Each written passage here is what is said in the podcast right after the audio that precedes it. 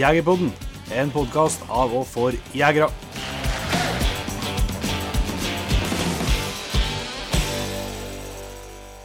Ja, ja, ja, endelig klart for en ny episode av Jegerpodden. Jeg heter Jon Petter Meldingen, og med meg på Skype har jeg Jon Ingevik. Velkommen, velkommen, velkommen. Takk og takk og takk. og takk.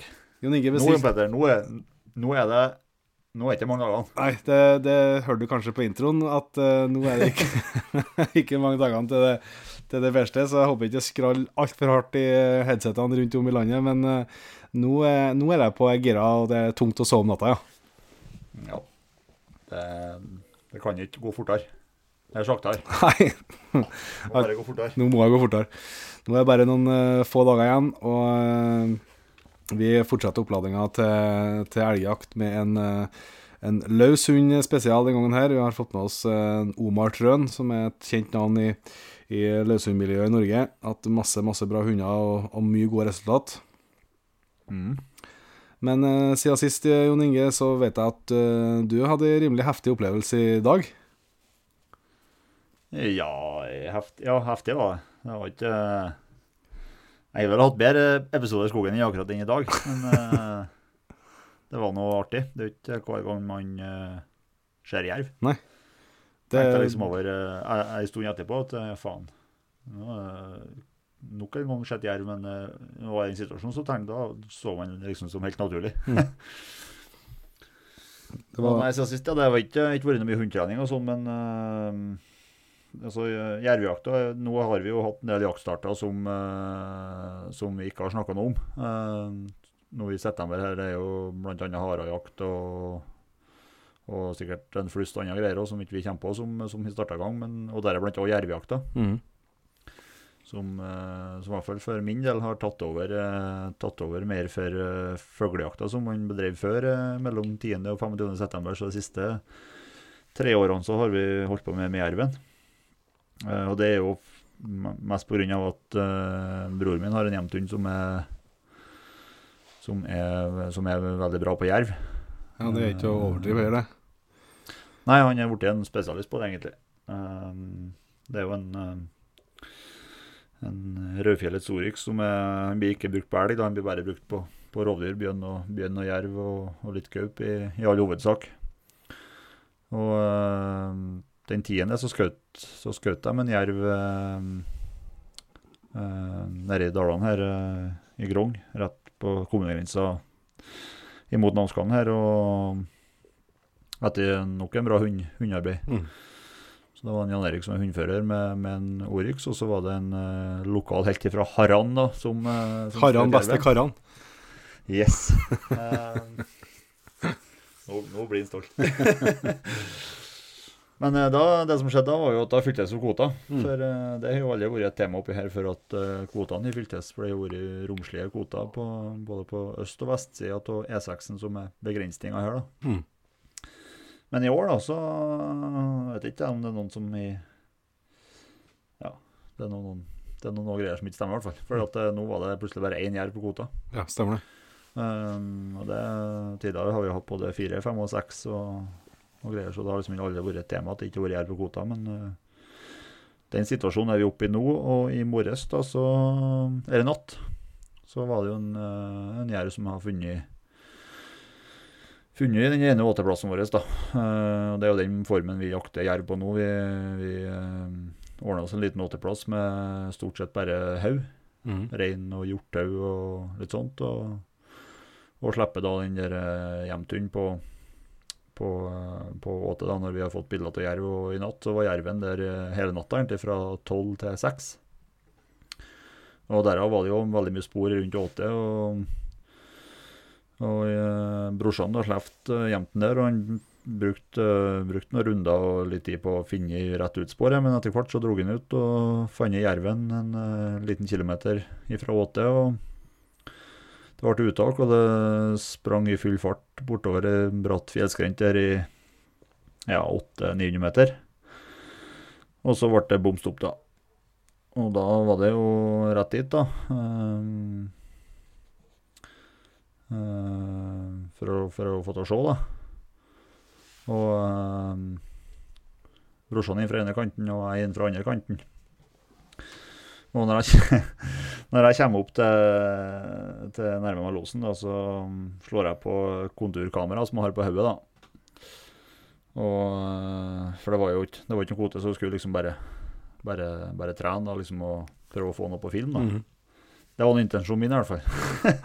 så, eh, så eh, når jeg kommer opp til nærme losen, da, så ser jeg en, Jan Erik står der, da. Eh, og så liksom å kikke på losen og godprate med hund og, og greier. da, Og det som viste seg, det er at jerven han sitter jo bare mm, som han gjør. Eh, har vi et inntrykk av at han sitter aldri noe høyt oppe i trærne. Han sitter liksom bare rett over bakkene. og Denne gangen satt han to meter over bakkene, og, og hunden var pundet. Mhm. Og Jan Erik satt rolig på sida der og kikka på, og så når jeg kommer opp, da, så prøver jeg å få kontakt med Jan Erik. da. Og liksom å spørre om vi skal om jeg skal lete fram kamera, om vi skal ha film, da. Og dermed så, så hopper jo dere jerven ned fra tella. Og rett ned til hund, og, og de krangler litt på bakkene der, og så springer jerven av gårde, og, og, og vi etter. og og det kameraet det kom aldri opp, for det ble noe tida til. Og jeg kikka gjennom filmen på konturkamera her, men eh, det er bare en masse uh, los. Det ser verken hund eller jerv. Men uh, da Han for nå av gårde, og, og uh, jerven sprang opp et sånt bratt sånt uh, bergfløy der som ikke hunden kom etter, så han gjorde en runde rundt. og Da tror jeg jerven fikk såpass forsprang at han, hun klarte aldri å ta igjen den igjen. Nei. Men han spora jo fremdeles to mil da, etter den. da. Mm. Det er det som er så genuint med han, at han, han har jo en sånn evne. Han er jo som en støver. Han sporer jo så besett godt, Mm. både på varme og kalde spor. Ja. Ja, det er helt rått. Så lenge han har et spor å gå etter, så, så slår han ikke over på elg eller noe som helst. Og Så hvis det er noen nå som har, eh, har noe jerv på gang og har kvote, så tror jeg, en, eh, tror jeg man blir tror jeg for Broren min blir veldig glad hvis noen kan ringe på han og, og be om bistand med en god hund. For eh, det er litt kjipt å ha en hund stående som man ikke skal bruke på elg, og, og bare på bjørn og, bjørn og jerv når, eh, Kvotene er fylt, ja. når kvotene er fylt. Så, det- og som dere hørte er første, første historie her, da, så er jo alle muligheter for å skjøte sjøl. Sjøl. Læl. Det er poenget Ja, ja. at han får brukt, får brukt hund. Det er det. Så eh, ta kontakt enten med Bare skriv til oss på Jegerbåten, så skal jeg formidle, formidle det videre til, til min bror som sitter og klør seg i skallen over sin eh, noe bråkete bror som kom inn på losen i dag. Jeg får tro du gjorde det godt nå, da. Ja, jeg får håpe det, så eh, kanskje, kanskje jeg blir tilgitt. For han var ikke noe, han var ikke noe blid i dag, nei. Men det var noe etter Det var noe for å få litt, film, få litt jervjakt på film, for det, det er nå ikke så mye av. Nei. Så det Ja, det var en veldig bra historie. Det er jo ikke Det høres litt sånn blasert ut. Ja, det er å se jerv. For oss eh, vanlige dødende så er jo det å se jerv en, eh, en once in a lifetime. Men eh, det er litt, litt annet kaliber på dere. Men eh, veldig kul historie. Eh, jeg har ikke eh, fått Forrige har ikke vært så mye ut, men jeg har vært litt, litt ut her jeg har vært, Og så har jeg drevet og, eh, som dere har sett på sosiale medier, rigga, rigga jaktbil. Mm. Vi har fått til et, et, et, eh, ja, sånn første Eller vi har hatt et samarbeid Men eh, et samarbeid med, med Bygg og Hobby, eh, som eh, har ordna med lys på jaktbilene våre. Ja. Så jeg har lagt ut litt om, eh, litt om det på, på Facebook og Instagram eh, på, på bilen min. Fått på noe skifta noen pærer i, i lysene og i hovedlakten og, og fått på noe, en LED-bar på taket. Det ble eh, natt og dag, det, altså. Ja da. Dæven, hvor Du var eh, riktig så stolt. ja, hvis det har vært eh, knallbra. Jeg har virkelig savna å ha skikkelig, skikkelig lys på bilen. Det er masse masse kjøring nå fra, fra nå og fram til jul, og stort sett all kjøringa er jo i, i bekmørket vet du, i svart asfalt. Så dere det har vært Ja. helt konge. Jeg glemmer at jeg fikk skifta pæra på bilen min nå, men eh, jeg skal nedover på mandag nå og få ordna lysene på taket. Mm. Så det Jeg har jo hatt eh, Jeg har hatt en gammeldags halogenbil med fullt av halogenlamper på taket, men eh, nå skal det bli Nå blir jeg Nå blir jeg all, all LED. All LED. Yes.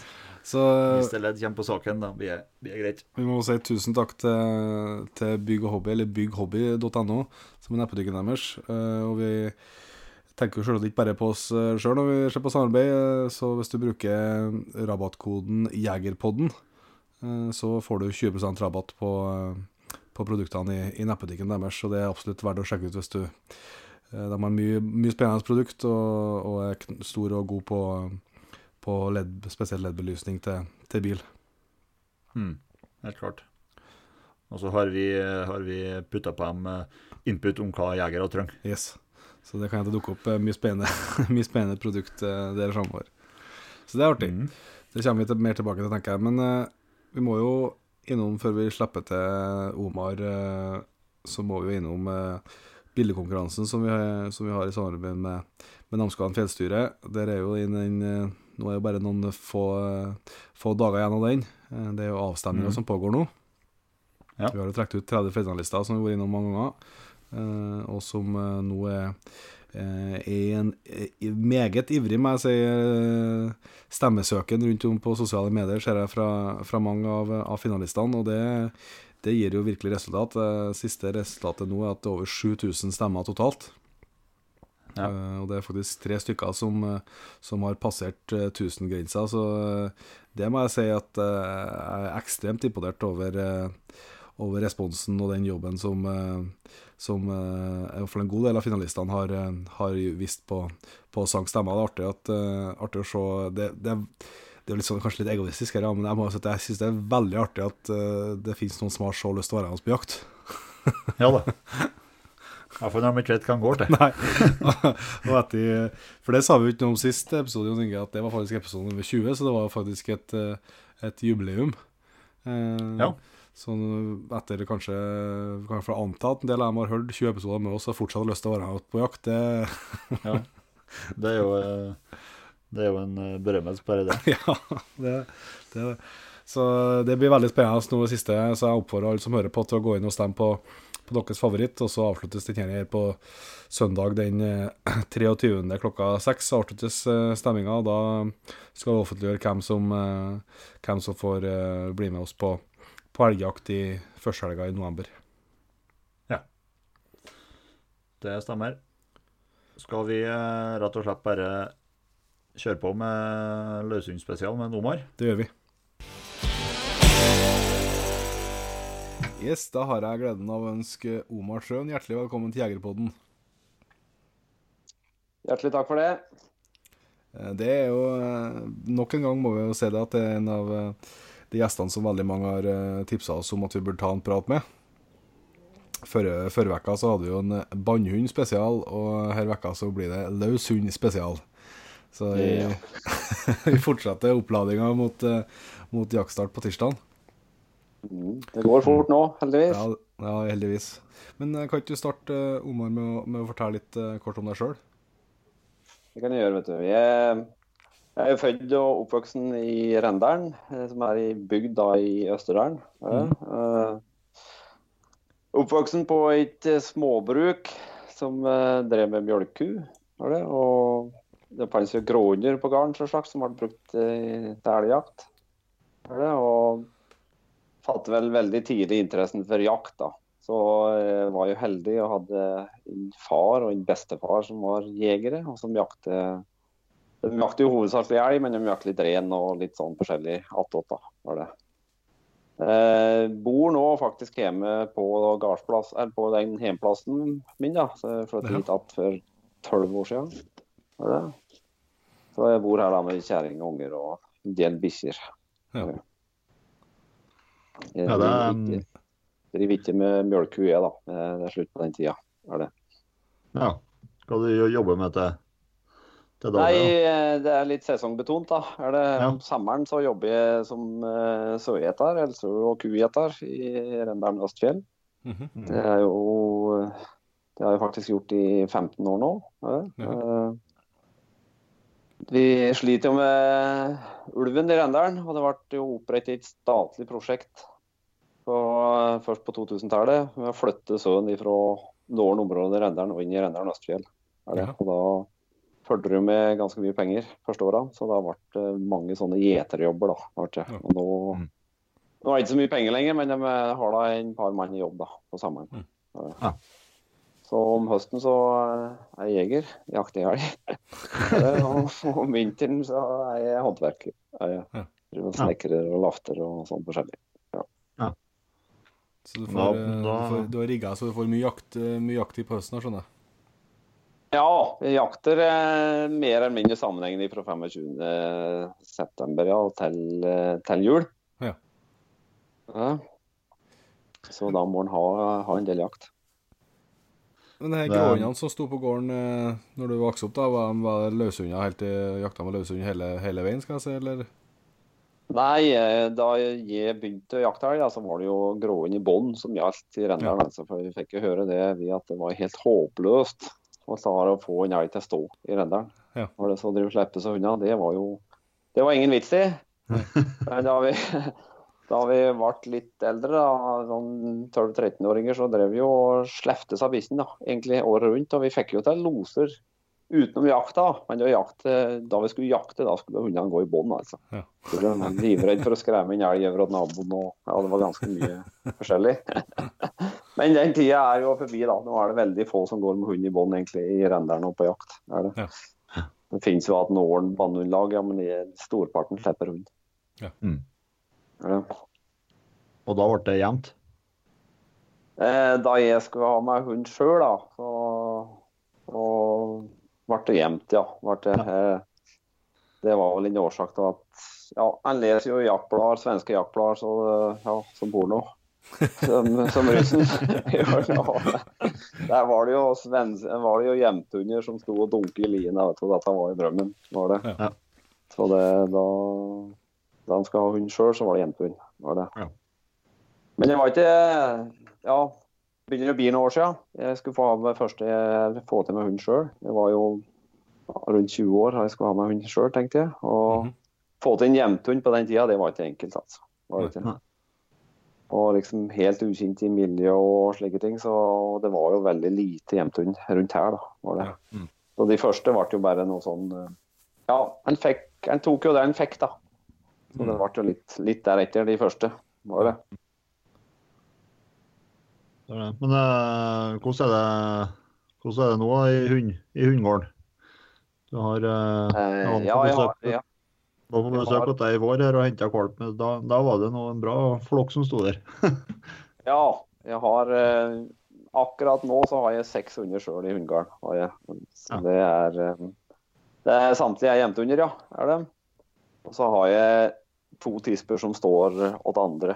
Er det. Jeg har ei jo gamleste tispa mi, hun Asta, hun som jeg har gått både NM og nordisk med. Hun, hun står og den svenske, som vi har samarbeidet en del med og jaktet en del med. Og så har jeg ei ungtispe som står og en unggutt eh, her i Vingilden, er som hjelper meg eh, med henne. da. Og Mm.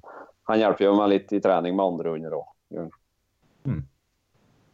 Ja, Så det, er det er ut, utelukkende jevntunder, da. er det. De er, den eldste er åtte år nå, den, den yngste er jo fire måneder. Er det alt fra, alt fra eget oppdrett du har nå, eller? Nei, det er ikke eget oppdrett alt, men det er eh, Det er vel fem av dem er eget oppdrett, og resten er eh, paringskvalper da, etter noen hannhunder som jeg hadde, er det, og har fortsatt. da, Er det. Mm. Så det er liksom eget blod da, jevnt over. Så sa du at du, eh, du jobba som gjeter. Ja. Da, da får du kjenne ulveproblematikken på kroppen. Ja, vi gjør det. Helt klart. Og i sommer har det jo vært en eh, særdeles heftig sommer, da. Har det. Ja. Vi har eh, hatt, hatt ulv i fjellet i absolutt hele sommer. Så det er skadefelling som har pågått konstant. Og vi har jo vi har felt to ulver, da, men det, problematikken slutter jo ikke for det. Så det, ja. det er at minst én ulv i hvert fall inne i fjellet her ennå. Mm. det. Så vi har hatt store tap. Og vi har Rendalen, Tolga og Tynset. eh, Det kommer jo fram noe tall i dag. Vi har i hvert fall 430 dokumenterte oddulv. Og det var vel borte, borti 900 sauer i hvert fall. Det det. Som mangler. Ja, som mangler. Ja, det er ganske sinnssykt, ja. Ja, det er det, for å si det pent. Det er det. Så det Ulven er jo et stort problem. For oss, sånn vi, vi lever på landsbygda. Det er det ingen tvil om. Og Mm. ja, når en far har det på kroppen såpass lenge som vi har, så kan jeg ikke si han er noe glad i ulv, for å si det slik. Du, har- du, du har noen timer time i sommer med børsa på skuldra? Ja. Veldig mange timer med børse på skuldra. Har nesten ikke gått en dag uten børse. Har det ikke. Så det, men det er jo Det er jo området som vi har sjøen i, ja, det er jo en halv million mål. Er det, så det er jo store områder. Ja. Det er jo forholdsvis eh, mager beite, da, så sauen må jo bruke store områder den òg. Så det, det er vanskelig å holde oversikten, og der, så blir det jo vanskelig å jakte òg. Gjør det. Ja, ja.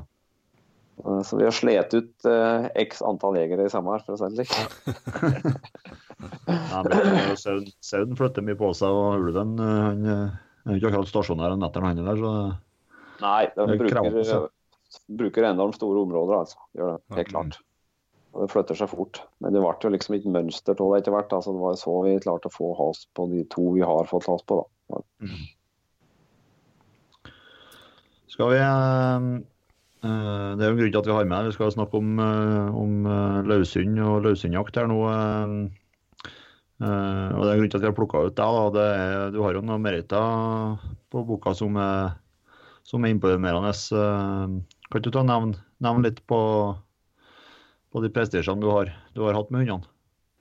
Ja, jeg er jo ganske ivrig på å gå jaktprøver da, etter hvert. Ja. Og eh, alle de hundene jeg har som har oppnådd alderen, holdt jeg på å si, vi pratet på i stad, som er fra åtte til to år, da, de er eh, alle samtlige er norske jaktsjampioner. og To av dem er nordiske jaktsjampioner, og en som er norsk-svensk sjampion. da, er det. Ja.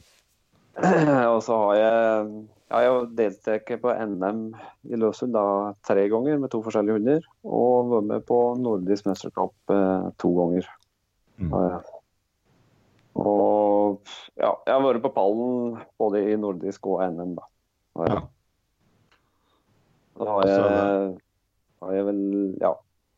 Jeg var med på ei samleprøve oppe i Sør-Trøndelag i noen år, og jeg har vært såpass heldig faktisk, jeg har vunnet den samleprøva tre ganger. Jeg har gjort med tre forskjellige hunder. Det er, det er respektabelt, tenker jeg. Så, ja. så men jeg bruker, jeg bruker selvsagt mye tid på det. Gjør noe. Ja.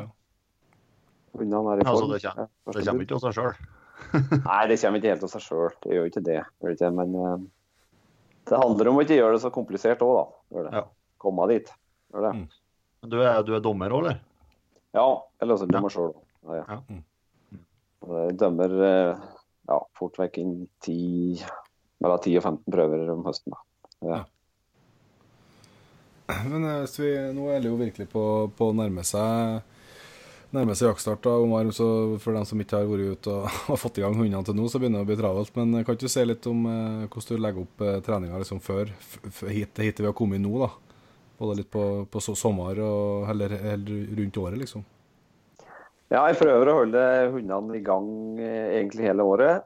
Vinteren så er det jo ski og spark og slike ting som gjelder. Og om sommeren så bruker jeg mye sykkel og eh, noe motorisert for å holde dem i form. da. Eh, Slike sommer som i sommer da har det vært ekstremt trælete egentlig å trene hund, for det har jo vært så varmt. Ja, ja. Så det har jo, har jo foregått på, på natterstid. da, har det. Jeg er, jeg er nøye med det altså at hundene må være i form. Vi kan ikke kreve noe som helst av dem egentlig hvis de ikke er i form før jakta starter. Er det. Og med en gang en er lov til å begynne å slippe, da, så prøver vi å slippe så mye overhodet har tid. da, det. Men eh, jeg, jeg er litt dårlig på data med lydighet, i hvert fall med de litt eldre hundene. Jeg klarer ikke å få inn at tid jeg vil. Så det, jeg må liksom ha, ha noen timer til rådighet da, når han først Ja. slipper inn. Ja. Er det. Vi, vi, vi merka det, det i går når uh, vi har planlagt en innspilling i går, men da, da ble det, det var litt vanskelig til oss. Og så ringte jeg på deg for å høre om du har muligheten til å ta i kveld. Og ja, det, det passa bra, det, for, det, for da hadde en hund stående i los. Ja, det, det ble sendt i går. Det var ei ungbikkje òg som er eh, ja, 15-16 måneder, som, eh, som har blomstrer voldsomt nå etter jeg har begynt å slippe henne. I går presterte han bra. da. og Sto, eh, sto nå til klokka var halv ett i natt i hvert fall. Så det, det ble en del timer. Ja.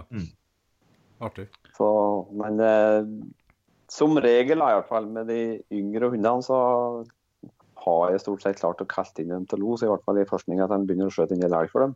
Ja. Men uh, hun her er totalt øreløs. Hørte ikke en pip. Hadde ikke tenkt å være med noen gubbjævel hjem igjen, i hvert fall. Hadde jeg ikke. så, Så, så når det gjelder å kalle inn fra los, da må vi få med oss noen andre. For å forklare forklare jeg hvordan- med noen andre som har mer peiling på dette her enn meg. men det er, ja, jeg vet ikke helt. Det er jo individene de er litt forskjellige, som hundene våre. Og Noen er jo mer samarbeidsvillige enn andre, og det kan jo henge til ganske lenge egentlig i dem. Mm. Men eh, det blir verre og verre jo mer elger en skjøt for dem, altså. Det er det ingen som helst tvil om. Er det ikke? Men eh, kan du, hvis du tar litt eh, Og, og ungen du prater om dere, det er vel søstera til en, til en Brutus, det, Jon Inge? Ja, det stemmer. Det stemmer, ja. Så det er jo litt, litt kjent, det. Men kan du liksom, hvis du bruker henne litt som eksempel, da, på, hvis vi tenker oss litt sånn fra, fra kvalp til den Ja, tida fra kvalp til den losen som, som sto i går, da. Um, kan du si litt om eh, hvilke tanker du har med Ja, fra, du, fra kvalpen er, er åtte uker, og, eh, og du begynner å kunne kan forme den litt som du vil, og, og til det mot de Ja. første slippene og sånn? Ja, det kan jeg gjøre. Jeg, som jeg prøvde å si i stad, så prøver jeg å gjøre det så lite eller så veldig, det gjør det så enkelt som mulig. Ja. Og med så Han har eh, kommet så langt, da, i hvert fall sånn har valgt kullet, og han vil ha valp ifra, så er det ikke så veldig nøye om du tar med tror jeg, i det kullet. For det er ingen som klarer å se Se da med åtte uker, i hvert fall noen her som blir best i det kullet. Så det er, det er bare inn kvalp. Det er det. Mm. Eh, og da framover så er det veldig viktig at kvalpen får lov til å være kvalp, sa han. Men liksom Jeg bor jo sånn til, så jeg har kvalpene løse Mhm. mye. Og at de får være med inn og være en del av familien. Og så lærer jeg dem liksom bare sånn vanlig husdressur. Mm. Og så har jeg faktisk veldig fokus på innkalling da, da de vokser opp. Går, bestand, går bestandig med godbit i lommen. Og da jeg driver på noe, så jeg plystrer på dem og får til å komme. Ja. Så at de får være med deg så mye som mulig, egentlig. Gjør det. Og jeg gjør veldig lite med hundene fram til de er eh, ja, ca. året. Jeg bruker aldri tid på Jeg hører mange andre liksom ha med seg hunder som er fem, seks, sju måneder like, i skauen for å gjøre dem skogsvant og lik. Jeg bruker aldri tid på det. Nei. Ikke? Og jeg sporer heller ikke noe med hundene mine nå lenger. Jeg, drev og gjorde det før, men nå gjør jeg aldri det. Ikke? Og da de eh, når inn alder, da, som liksom Du sier han individet litt, når han modnes jo før andre. Og i og med at de går sånn løst som de gjør opp meg da, lenge, så sier egentlig tid de begynner å få lyst til å gjøre noe annet enn å gå på garn. Ja. Og da pleier jeg å bure dem inne, da, for de skal reise for tidlig og begynne, begynne med elg sjøl.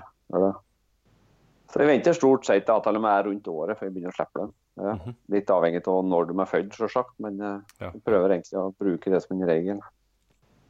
Og da I forskninga så går jo bare ut på hundene i områder som eh, jeg tror det ikke finnes så veldig mye elg. da. Det. Mm. det er jo ikke så enkelt hvis du ikke skal finne elg, å gå på en plass som det ikke er elg. Men man prøver da i hvert fall å unngå å gå de, i de områdene som du vet er elg. Ja, ja. Så slipper jo bare denne hunden. og de, Noen av dem reiser jo liksom fort ut i søk, og andre bruker jo litt tid rundt deg og ja, lurer på hva vi skal drive med for det nå.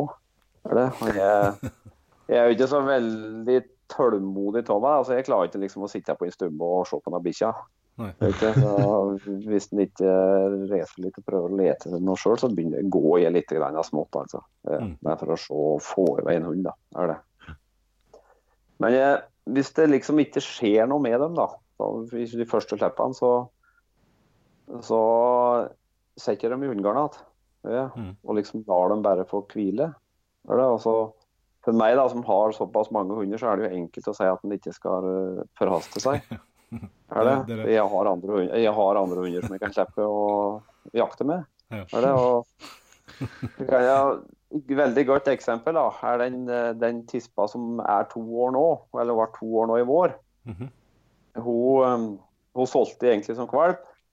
Og han som, eh, som kjøpte, han, det der ble det litt forandring både med jakta og alt som var, så han lurte på om jeg ikke ville kjøpe henne. Det var rundt året. Er? Så jeg kjøpte henne, gjorde det. Og hadde her, og da bruker vi litt grann tid på å prøve å få kontakt med og slikt. Så da høsten kom, så begynte jeg å slefte. Mm. Og det var, det var ikke, det var ikke interesse for jakt i hele tatt. Nei. Virker det som. Og bare Ja, jeg var løs og drev rundt med og men det var liksom ikke noen ting. Var det ikke? Så jeg, jeg begynte jo å slefte da den 21. august, da vi hadde da, så var jeg ute igjen med liksom Ja, etter en ukes tid igjen, men det var liksom akkurat liggende, var det. Og jeg slefta ikke noe mer før eh, like før elgjakta starta. Og, og nei, det var fortsatt ingenting, var det ikke? Så jeg sendte bare hundegården igjen. Gjorde det. Så prøvde jeg ja, ca. 5. oktober var jeg vel ute igjen med, og det var, det var liksom bekmørkt, spør du meg. Og så tok jeg vel så vidt det var i bånn og spore så vidt på et elgspor. Og så ja, hun var jo interessert i, i sporet i hvert fall. Men det sporet ikke mange hundre meter ned, altså før vi avslutter det, og så setter jeg bare i hundegården. Så rundt den 20. oktober så fikk jeg liksom et veldig godt tilfelle, da. Syns jeg sjøl, og slefte hund. Slefte hun, da. På, på, på i, i spor da, som vi visste var en elg som vi kunne skjøte. Og da tok han faktisk etter det sporet og tok opp den elgen. Og det ble eh, los der hun fant den. Og jeg fikk gå inn på å skjøte en elg etter en times tid. Jaha. Og da var det liksom bare som å slå over en bryter. Var det. Så da på, på ni slipp så hadde jeg skutt to elger og gått alle prøven åt jaktkampion. Og har vært helt bankers Ja. Etterpå. Liksom hun går ikke ifra en elg. Og først her oppe en elg så står det stort sett i uttaket. Veldig forsiktig og fin. Så jeg har sagt at egentlig så skulle alle hundene vært sånn. Ja. For da hadde vi ikke klart å ødelagt dem for tidlig. Nei. For jeg, for jeg er jo rimelig sikker på det at det, nå i dag så er det så enormt fokus på at hundene våre skal begynne å jave, jave tidlig. Mm. Og mange begynner å slippe veldig tidlig. Mm. Og det er mange av de hundene som blir sluppet så tidlig, som, som ikke er eh, klare i skallen til å møte en elg, altså. Ja. Mm. Det. Og da ødelegger vi mange flere hunder enn vi får fram. Mm. Det er jeg helt sikker på. Så jeg har egentlig, jeg har egentlig jeg vet ikke på hva jeg driver og javer inn en hund, altså har jeg egentlig bare et par hovedregler som jeg er litt ha- hard på. Og det er at jeg skal ikke slippe for tidlig. Og de første elgene som vi skal skjøte for hund, da skal de elgene de skal stå. Å okay. skjøte en elg på Skien, det er dødssynd. I mine øyne, da. Ja. Mm. Er det. Så da, Da tror jeg vi så egentlig kommer fortest mulig fram. Ja, men så hvis det Så du, det er de klare anbefalingene at hvis det, hvis det ikke står, skal jeg si, eller Men hvordan er det altså, Er det er ganglos på vis, altså, eller er det, bør det skal stå helt pal? Nei, jeg vil at det skal stå pal. Mm. Det er Helt klart. Så det, men, men hvordan er det liksom hvis det er en hund som Ja, altså det, det blir flere slipp før du får den sjansen til å skjøte? Det blir ikke som det har noe, noe betydning. Det er liksom det det Nei, jeg tror det er viktig at de får belønning da de gjør ting rett. Ja. Mm. Altså, Det er ingen vits å belønne hvis de ikke gjør det de skal. Nei. Er det? Og det er jo helt klart en belønning hvis du skjøter en elg. da. For de fleste, Ja, liksom, liksom det, det dyret som jeg slapp i går, da, som sto og, og loset i x antall timer. Mm. Så For henne så tror jeg ikke det spiller så stor rolle om vi skjøt den elgen eller ikke. Nei. Men det er jo mange ikke sant, som er litt av trøere til starte, som du starter, og dem, dem er det jo viktigere å belønne. Er det? Eller en som bare står der og jager i timevis uten å ville ta kontakt med gubben uten at det har skutt elg for dem. Ja. Du sto, du sto ikke og slakta i natt, med andre ord. Nei, jeg gjorde ikke det. Jeg gjorde ikke det. Helt klart ikke.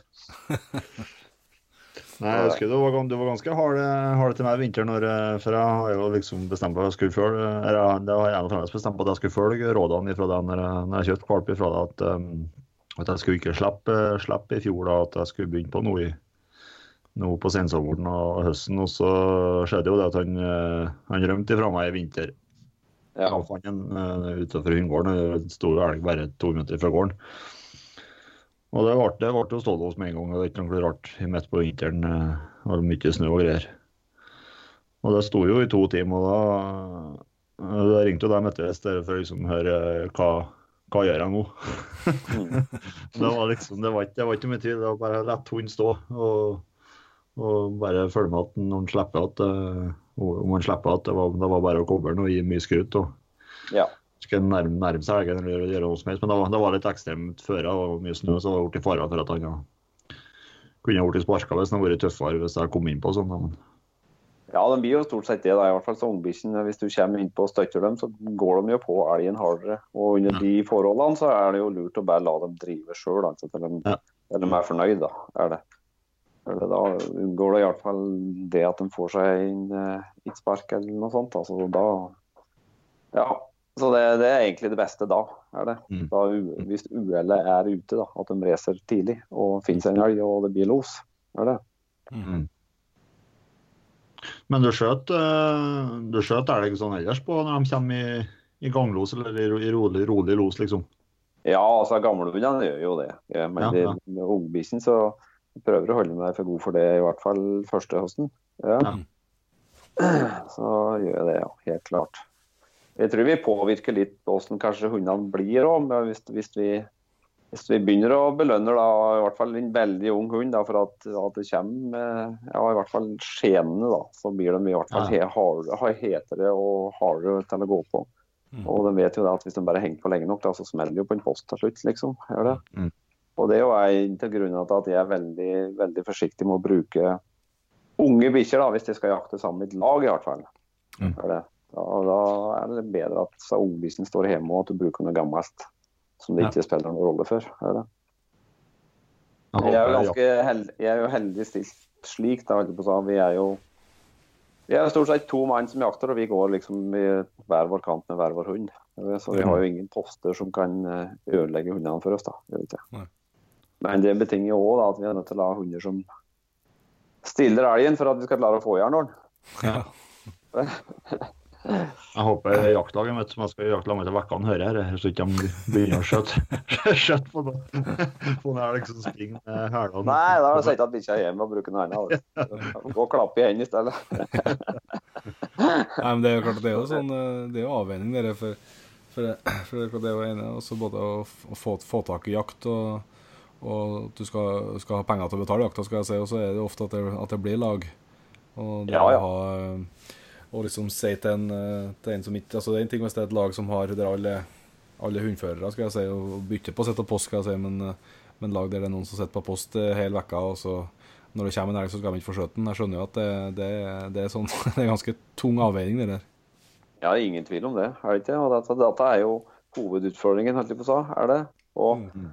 Det er jo ikke vanskelig å forstå det at den som sitter på post vil ha en jaktopplevelse her nå, og si sier nei, nei, nei. at du kan ikke skjøte en elg. Det går ikke, det. vet du. Gjør det ikke da det er et lag, så må alle ha like store muligheter til å skjøte. Ja, Så det er derfor det er jeg sier at ungbikkjen bør stå hjemme første uka i hvert fall. For det er jo stort sett da det er mye poster. Mm. Er det? Og, og at du kan spare at en kalv eller noe slikt noe til, til ungbikkje, som uh, de kan liksom få drive og rote med alene, må være, ja, må være en god løsning, da. I hvert Ja. Det er jo rart der en går og gleder seg til 25.9. hvert bidige år. Men det er noe, det er noe strengt tatt så er jo minst like fine jaktdager sånn godt ut i sesongen, når man kan holde på litt for seg sjøl. Ja, jeg sier i hvert fall at det er oktoberen som er liksom er løshundmåneden, da. For det, Ja. ja, sjøl om vi, da, slik som jeg og en kompis min, som vi jakter stort sett alene, gjør vi jo, men rundt oss er det jo gørrmye folk alle steder, gjør det. Mm. Og det, ja, det, det tråkkes og det pisses og det drites i holdt på så steder, gjør det.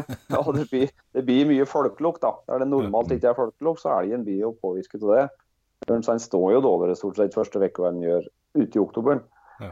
Da roer det seg ned, og ideelt del av eh, er pare, og liksom, det roer seg alt sammen. Så de står jo bedre, og det, det, er, det er det som er ja, månen som en virkelig skal skjøte elgen. er det. Mm. Så en må jakte hardt i oktober. Det høres, det høres bra ut, ja. Um, Ja. Du, en annen ting som, eh, som vi har snakka litt om, det er det, det, er med at eh, Som du har sagt, at uh, ofte hvis en slipper hunder for tidlig, så blir de glad til å drive med at de føler seg trygge på at de skal være bak elgen. Ja, jeg sitter i hvert fall litt med et sånt inntrykk da, at det er jo veldig, veldig enkelt for en unghund. da. Er det som kanskje ikke er moden nok i huet da, til å utfordre en elg. For det, det må de jo ofte gjøre for å klare å få den til å stå. Ja. Eller så må de tåle å stå foran og prøve å stoppe den, faktisk. Mm. Og en hund som ikke er moden for oppgaven, han kan kanskje da synes det er veldig enkelt å gå bak, eller behagelig å gå bak og liksom få en elg til å gå unna seg, for da har han jo full kontroll hele tida. Er det, og Når å begynne å slippe for tidlig, så tror jeg vi kan legge på dem slike vaner, da. Det er i hvert fall det inntrykket jeg har, i hvert fall. Er det. Mm. Og det er ikke hovedgrunnen til at det ikke, ikke jeg slipper for tidlig, ja. Men jeg har jo jeg holdt på å si, jeg har jo vært i andre situasjoner, jeg òg. Og jeg hadde jo ei tispe som var født eh, Hun var jo veldig spesiell som hund. da. Hun var født like før jul. Var. Og første gang jeg losa elg, det var eh, i påska. da. Et, eh, bare fire måneder etterpå. var det. Da fløy jeg på var i husene her og losa elg så du hørs. Jo da. Og den tispa begynte jeg da å bruke liksom for fullt den, den første høsten. Da, da var den ni måneder. da, det. Og det virker jo veldig bra, egentlig. Hun var jo litt het i trøya, ja. men det, det ble jo stående stort sett etter hvert. var det. Og skjøt ganske mye elger for henne den første høsten. Men den andre høsten med den tispa, hun var så inn i helsike het. Mm. Så det storparten av elgene fant, altså, de kuter for livet. gjør de. Og den andre høsten ble egentlig en mye dårligere høst enn enn første høsten. Mm. Så hun måtte ha den tredje høsten da, for liksom å roe seg ned og, og bli der hun bli det hun ble. Da. Da liksom roer det seg ned, og da, da var hun som hun skulle. være. Men jeg tror faktisk det at jeg hadde hatt en mye bedre jakthund andre og, høsten og hatt tredje høsten hvis jeg hadde gitt faen i slefta den første høsten da var ni måneder. da. Mm. For de bygger så enormt med sjøltillit i den alderen der, og de tror jo de kan flytte fjell. da, vet du. Og, og så, det, så vi påvirker dem altså med å, å, med å slippe tidlig. Det er det ingen tvil om. Nei, jeg kjenner Ja. meg, jeg kjenner meg veldig Altså, det som eh, jeg, jeg tror veldig på rådene, men så syns jeg det er bra at du nyanserer med at eh, det er enklere å se når en har seks hunder i hundegården. Eh, Ja. For det er faktisk ikke jeg meg um... Det er mye hund å få kjøpt, da. Men jeg henta Meiko Han var litt over året til første høsten. Og og jeg innser jo det etterpå. Altså, jeg, jeg, den hunden Jeg slapp den jo stup i ett. Ja. I alle mulige situasjoner. Og så fort jeg hadde trua og hadde litt tid til overs, så var han løs. Og ja. Så jeg, jeg kjørte den jo helt sikkert eh, alt både for tidlig og for hardt, da. Eh, men da Ja, det liksom- tror jeg ting som er veldig viktig å tenke på da, med så unge bikkjer, er at hvis de hadde en bra opplevelse, da, og du liksom har lykkes nå med den, der, så tror jeg veldig lurt at de får stå ratt både to og tre dager før de er ute igjen. Ja. Ja. ja, fysisk vet du, så takler de dette der, men det er det som sitter mellom ørene. Det skal være med det òg. Ja. Og da de er så unge, så bruker de mye lengre tid på å fordøye sånt. Mm. Så ja, da vil du få større opplevelser, tror jeg, da, hvis du sparer dem litt. Og så heller så slipper de hver tredje dag, da, kanskje. En sånn hund. Er det. For, eh, for da fikk jeg jo det, det rådet av er jo en, en, en mentor som har eh, hatt veldig mye bra mye bra løshunder, og og han sa du må ta med ro, og jeg slapp. Og så sa han må ta med ro, så jeg slapp. Ja, ja, ja. Men det, det var litt sånn det, Jeg kjenner jo nå når jeg har, eh, har han som jeg vet, vet hvor går, så, så er det mye lettere å, å holde igjen med hun, med tispa som er, nå er jeg bare 11 måneder. ja. Nå, nå vet jeg jeg har jakt, liksom. ja. Så det, det er mye enklere da. altså. Da har en inntil eller noen flere, så er det mye enklere å holde opp. Ingen Mm. tvil. Mm. Moralen er at folk må kjøpe mer hunder. Ja. Det er. Det er viktig, ja. Gjør det. Mm. Um, en jaktprøve. Du, eh, Ja. du ble jo ganske glad til dem etter hvert. Uh, Ja. eh, Jeg er glad for den. Det er i hvert fall- det er i hvert fall en ekstra bil. Det er en, ja, det er en helt Det skal jo være som en Det skal jo egentlig være som en jaktdag, Mm. det, men det, det blir jo en ekstra spenning, selvsagt. Gjør det. Mm. Og det ja. Jaktdager har jeg ganske mange av, men prøvedager har han ikke like mange av. Ja. Kan Men ikke eh, du fortelle oss litt om, eh, om prøveformen på, på løshund, Omar? Jo, det kan jeg gjøre. vet du. Det, det som du prøver å si, at det skal jo egentlig være som en vanlig jaktdag. er Men vi har jo Ja, Vi har jo et regelverk å forholde oss til da, som dommere. og det regelverket Nå har vi faktisk et noenlunde likt regelverk som svensker og finner. har vi. Etter eh, mye arbeid hit og dit og att fram, så har vi fått, fått til det. har vi. Og det, det er jo synes i hvert fall det er veldig bra. er det. Og hunden da skal bli under dagen da skal den bli bedømt i ti forskjellige moment. Mm -hmm. Eh, første momentet det heter jo søk, gjør det. Andre momentet det heter evnen til å finne elg. Gjør det. Tredje momentet det heter evnen til å stille elg i uttaket. Og moment fire det heter losarbeidskvalitet. Det handler egentlig om eh, å få nok lostid egentlig under, under dagen. Mhm. Vi skal jo Da vi har fått den losen, da, så skal vi la den losen stå i 90 minutter før vi skal gå innpå og se hva hun driver med. Og så skal vi prøve å kalle inn hunden. Og så skal vi prøve skal vi støkke den litt grann, da, og se om hunden henger på og klarer å, å, å stille den på nytt. da. Ja. Er det, da, det handler egentlig om at eh, vi skal ha, ja, stille opp at uh, elgen tre ganger, i hvert fall. da Ja. er for å få maks score. Så moment fem det heter poenglighet, da, og det oppnår vi- vi jo da vi, da vi støkker. da. Da skal vi, Siste gangen vi støkker, så skal vi støkke ganske hardt da, for å se hvor lenge hunden vil være med og prøve å få stoppen av elgen på nytt. Aha. Det er forresten det momentet vi gir mest tid på Jøserdalen, er det? For det, det får vi prøvd hver gang, for det er elgene litt. Gjør det. Og så moment seks, det er evnen til å stille støkt der. Så det henger jo litt i hop med, med moment fire.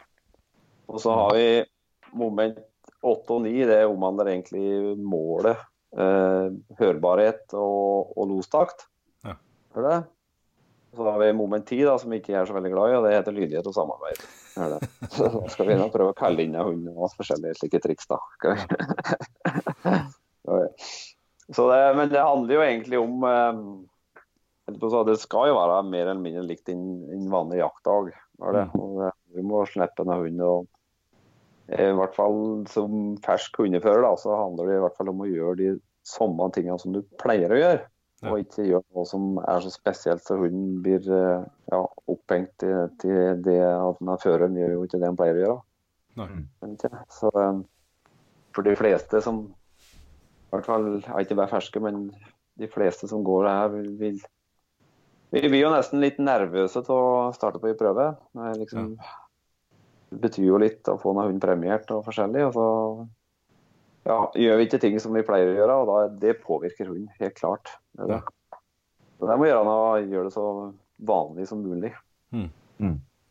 Det Så er jo litt sånn du skal ha litt eh, I hvert fall for å komme på de virkelig høye poengsummene, skal du ha litt, eh, litt tur òg. Ja, du er nødt til å ha tur. Hvor du For det første så liksom undersøke, så kan du ikke starte før nær eh, liksom, der det kan stå elg og slike ting, så du får visst fram at hunden har søk. Og så Nei. skal du helst finne elgen såpass langt unna deg så det passer inn i noen tabeller og forskjellig. Og, Ja. og slike ting. Altså, du er nødt til å ha litt tur både Det holder ikke å ha, ha en god hund i hvert fall for å få uh, mye poeng. Nei. Vet ikke? Men eh, en god hund da, han klarer jo stort sett å En virkelig god hund i hvert fall, han klarer stort sett å rote i hop eh, en førstepremie. Liksom samme træle det går, det går i veien, og samme træle til elg er. Ja. Så de beste hundene klarer å, å skrape i hop liksom, nok poeng til å berge inn førstepremie. Hvis du tar premieringene der, hvordan, eh, for at du, du, du sa det var ti moment, og så, kan du, så, så er, det, er, det poeng, er det ti poenggivende i hvert moment? Ja det, ja, det er 100 poeng da, som er maks score. er det. Så for å få inn førstepremie, så må du ha 70 poeng. da, var det. Mhm. Og Før så var det krav om å ha sammenhengende los og slike ting, da, men det er mer borte nå. da. Men altså, du må jo For å få til 70 poeng, da, så må du ha, du må ha en del los om dagen, for å si det pent. Han må i hvert fall ha 90 minutter pluss. Det optimale er at du skal ha 90 minutter på første losen, og så skal du ha støkk en gang, og så skal du ha 30 nye minutter. Mm. Så skal du innpå etter 30 minutter, så skal du støkke en gang til, og nye 30.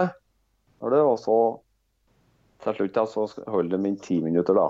Men eh, maks score liksom på lostida, det er 200 minutter. Så Det handler egentlig om å få til mest mulig låt om dagen, altså. Da kommer du veldig langt. Gjør du? Mm.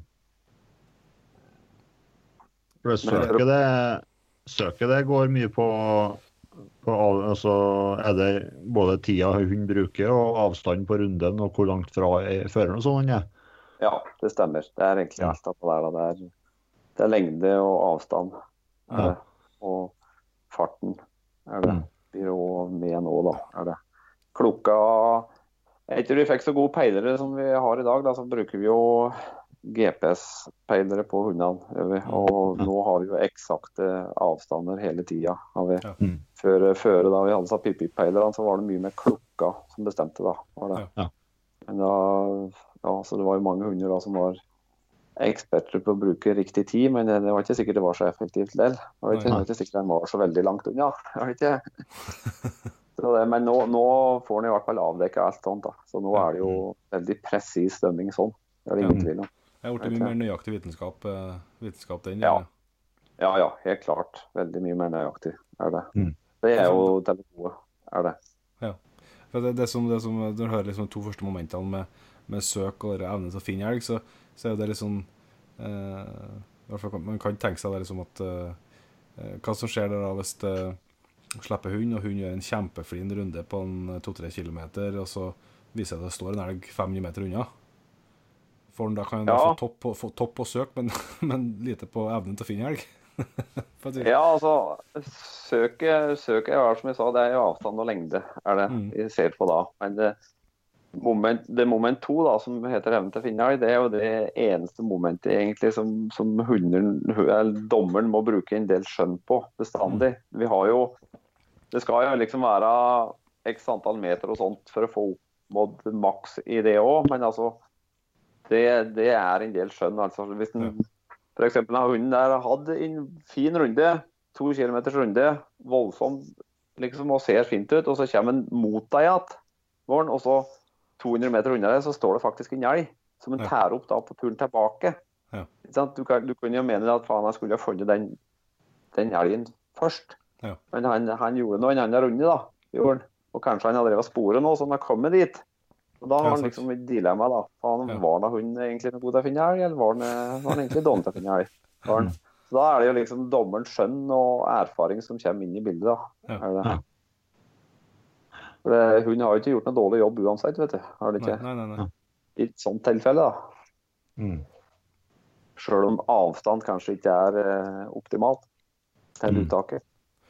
Men kan du si litt eh, mer om søket, Omar? på liksom, Det er klart at det, jeg som eh, er jo kjent eh, må jeg bare ærlig innrømme, kjent på mange ganger, jeg som har vært vant til å ta fuglehunder før, så Ja. uh, syns jeg det er utrolig artig med, med, med jentehundene nå. Men, eh, men det, det, som er, så det som er frustrasjon, er liksom at, at du har en Jeg opplever i hvert fall som eh, for meg som er uerfaren, på et vis at du opplever som du har mindre mulighet til å, til å liksom forme og påvirke så mye i skogen. da.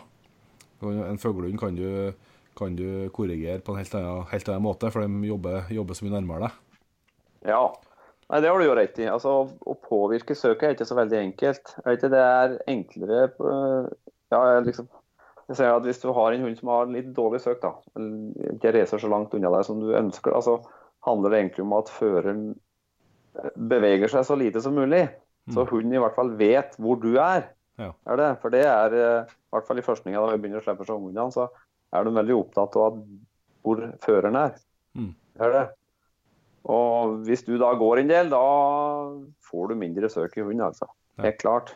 Mm. Og omvendt òg, hvis du har en som slår ut noe voldsomt, så tror jeg kanskje du kan klare å begrense det litt med at du går en del. Gjør det? For da Uansett så er de litt opptatt av deg. Gjør det? Og hvis de da træler litt for å finne deg, så skjønner de at kanskje han skal gjøre en litt kortere runde. Gjør det? Så det er vel egentlig det vi klarer å påvirke sånn. For å påvirke retning og, og sånne ting, det er ikke så enkelt, altså. Mm. Og det er jo stor forskjell på, på søk på hundene våre. Altså Noen er jo liksom naturtalenter som har greie runder og, og racer egentlig langt nok med inngang. gang. Og noen racer liksom rett fram Selv til de stuper borti en elg, og andre kuter rett fram og rett tilbake, samme sporet. Mm. Og, men, men søket er jo det som ja, jeg har i hvert fall inntrykk av det at det utvikler seg ganske mye de både to og tre første årene. er det. Og i hvert fall ut ifra den flokken jeg har sjøl, så hannhundene eh, Stort sett av andre høsten i hvert fall, så har de ett søk. Og derifra slipper de til de finner en elg. Og tispen er litt mer formbar og litt mer opptatt, og du er en i hvert fall eh, Ja, det kan de egentlig være hele livet. er det? Ja. Mm. Så der kan du faktisk klare å styre dem litt bort i de hullene som du har lyst til. da. Ja. Ja. Mm. Ja, for det ser jeg i hvert fall på han eh, Eiko, han, min som er tre år nå. Der har i hvert fall vært en, en sånn helt sånn eh, tydelig utvikling. Bestandig egentlig at det ganske kurant, eller slått ut ganske stort. Men eh, han har hatt den tendensen til at han eh, i fjor, eller første året spesielt, da, men også den tendensen i fjor, da, at han, han slo ut, og så eh, ble det og så kunne han ta baksporet sitt eh, liksom, for å finne igjen meg.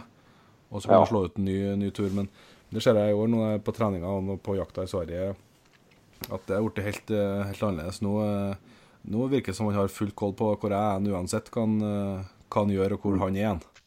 Ja. Og så ser jeg hvis det Ja, jeg ser liksom at han eh, Han, han, han vet om meg, liksom, så han kan slå store, store runder likevel, og så springer han seg rett på meg uansett. Ja. Det er noen som er helt rå på dette med kompass i huet, altså.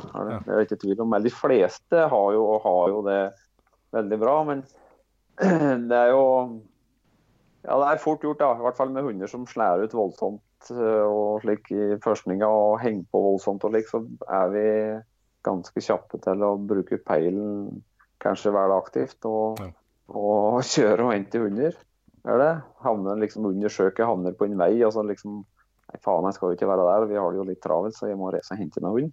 Ja, ja, så blir du så kjører bil og kaster den i bilen og kjører og begynner på nytt igjen. Og da, da vil du jo få hunder som eh, blir bare mindre og mindre opptatt av deg, egentlig, hvor du er. Altså, Ja. Med en gang de setter føttene på en grusvei, så vet de det at da kommer gubben med bilen og henter meg. Eller?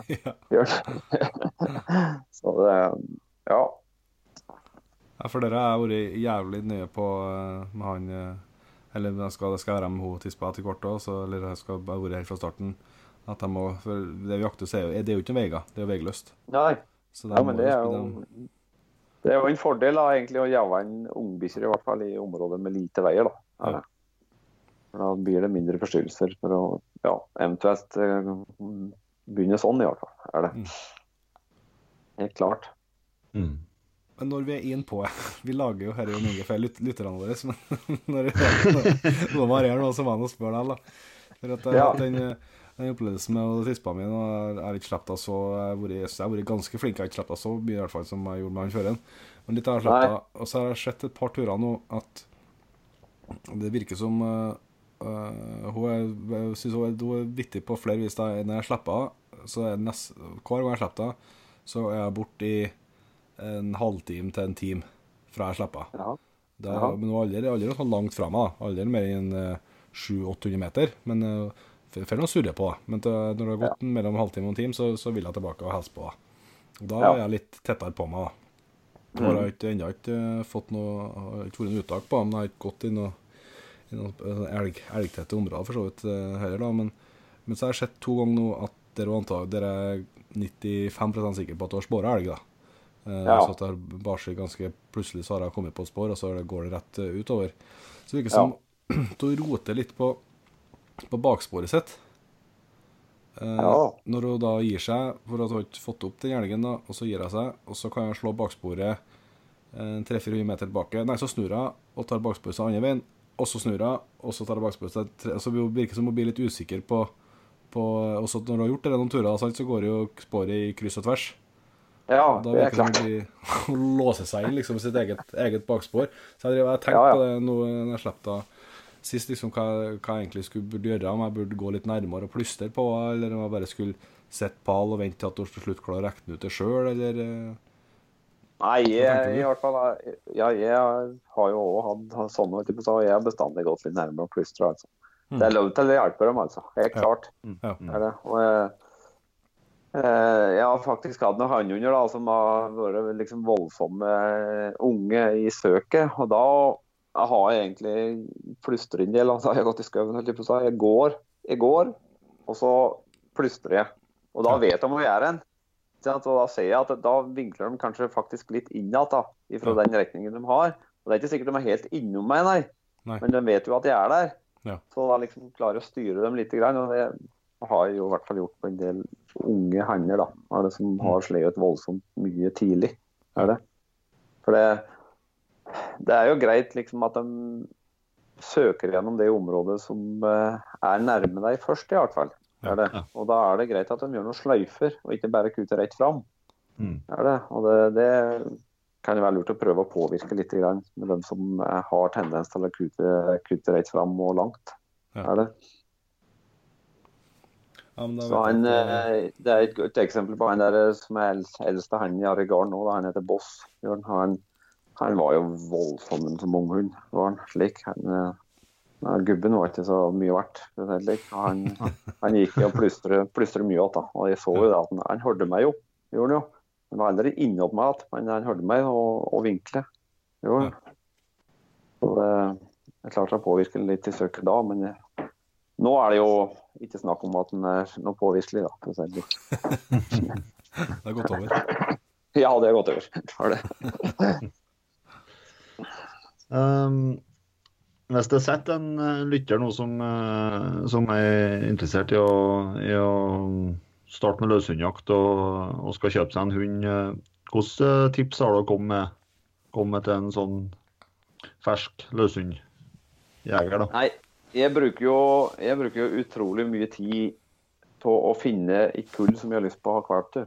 Mm. Og I dag er jo dette veldig enkelt med de dataverktøyene som finnes.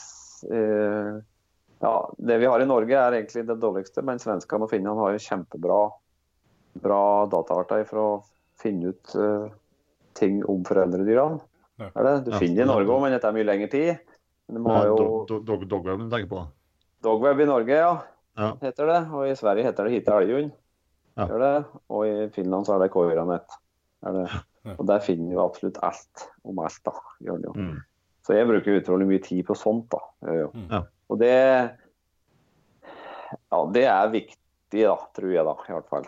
Eh, for å finne, finne ut eh, åssen foreldredyrene er. For da det er ikke tvil om at, eh, at uh, det er jo arbeid det meste de driver med. Er det? Mm. Du ser jo Ja, du kan finne ut det meste med, med de prøvene han har. Men altså én ting er jo jaktprøver, selvsagt, men en annen ting er jo uh, liksom, Ja, jeg bruker i hvert fall dette der mye, men samtidig så prøver jeg å prate med folk som kanskje har uh, vært med en hund på jakt og opplevd den litt mer enn akkurat bare prøven. da. Er det. Ja.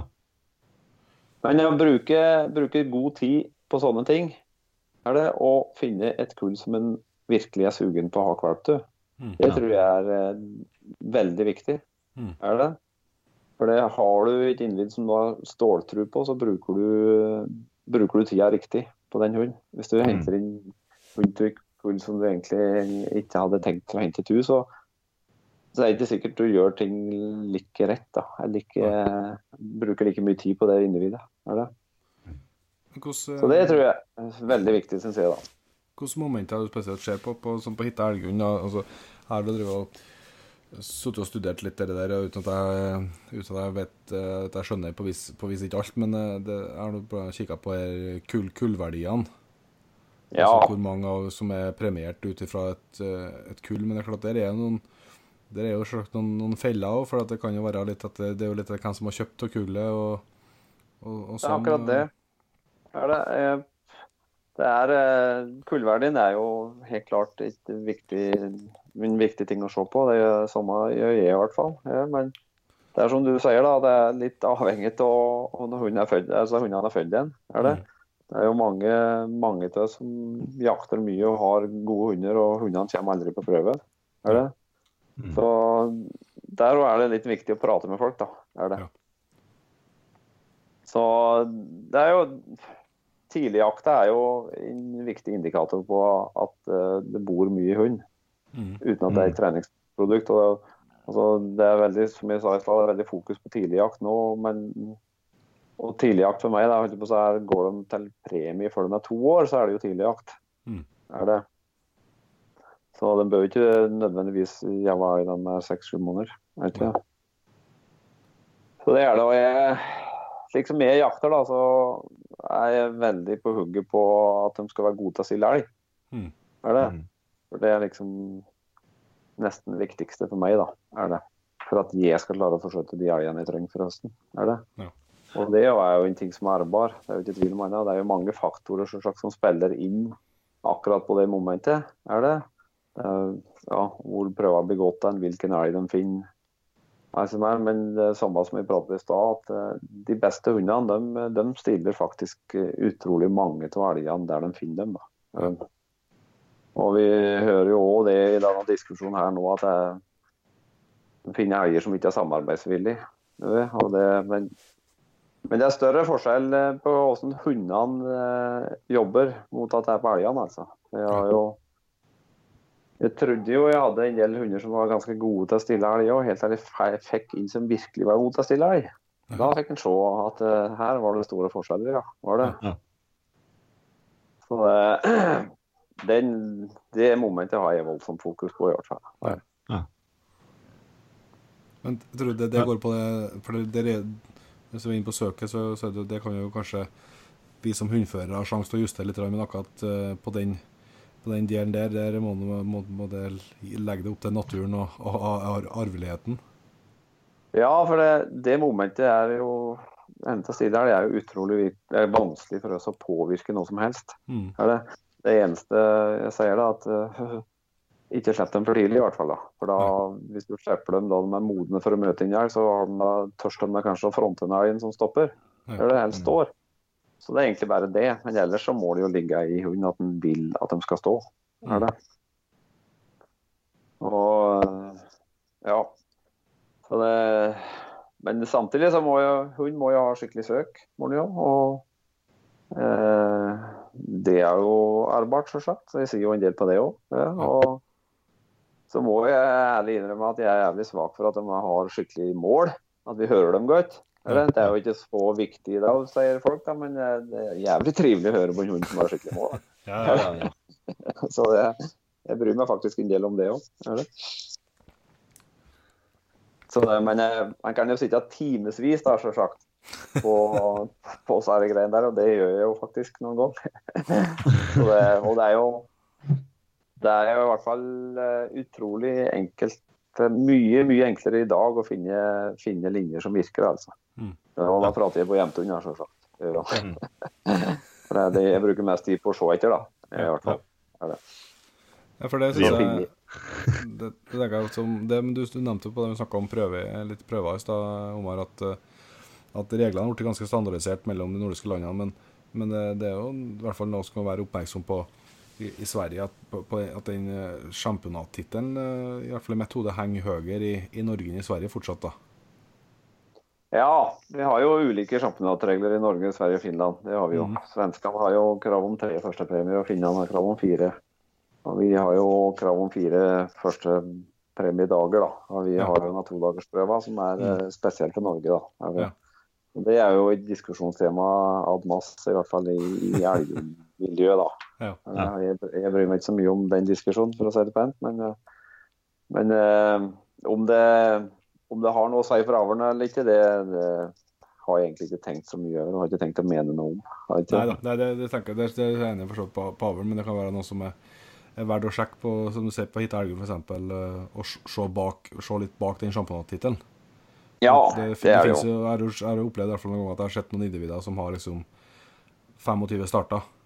Eh, og så er det tre førstepremier. Så da, da, da kan det jo være en indikasjon på at, eh, på at det, det er forskjell på det og dem som har, har, har tre starter og tre førstepremier. Liksom. Ja, ja, helt klart. da. Så det, det, det finner jo ut fort, da. Og det, er, som sier, det er jo litt, det er jo litt mystisk hvis man har x antall starter for å få til seg tre første. Er det. Ja. det er det ikke tvil om. Så det, ja, han kan være litt var på sånt. Kan han Ja. gjøre. Hvis vi, eh, hvis vi lar uh, jaktprøver være jaktprøve, nå, så tar vi med oss børsa og jakter i stedet.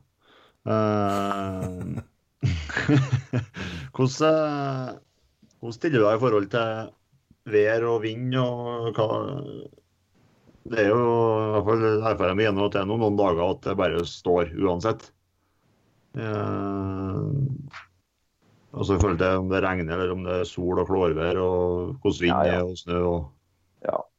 Nei, bare, altså bare skjøt inn det at i Namdalen så har ikke det blåst stabil vind på tre år. Nei. Nei, det tror vi på. Nei, jeg holdt på å si jeg, jeg kan ikke si jeg merker så enormt stor forskjell. Det er klart, når en klarer ja, solværsdager på høsten, så kan det godt hende elgene er litt varere enn andre. Men jeg, nei, jeg kan ikke si at jeg legger så stor merke til at det er så stor forskjell på det. altså. Jeg vet ikke. Det er noen det er, forskjellen, da, er forskjellen at jeg har, jeg har hatt uh, dårligere hunder. For, for en, en, god, en god hund skal vel klare å stille elgen uansett. Ja og jo, men altså, det er jo, det er jo ytre påvirkninger, selvsagt. Det, er- alle har jo jeg har jo hørt dette tusenvis av ganger om den første snøen, at elgen blir så var i løvfallet og alt det greiene der. har vi jo hørt hele tida. Men Ja, ja. eh, nei, jeg syns egentlig ikke det spiller så stor rolle. Jeg vet ikke. Der har jeg en intern, intern strid med far min, for han mener at nei, første snøen er bare å la være. Ja, Eh, det har vi jo hørt. Det har vi det- hørt. Det er opplest og ja. vedtatt på eldre folk. i hvert fall. Den, eh, den erfaringa støtter ikke jeg meg for. Når først man kommer, da syns jeg det er helt prima. Ja, nei, Jeg er ikke like enig i det, da, men for det første snøen kommer, da det stort sett, blir det stort sett dritføre og bare verre og verre å komme inn på Salosene. Ja, sant.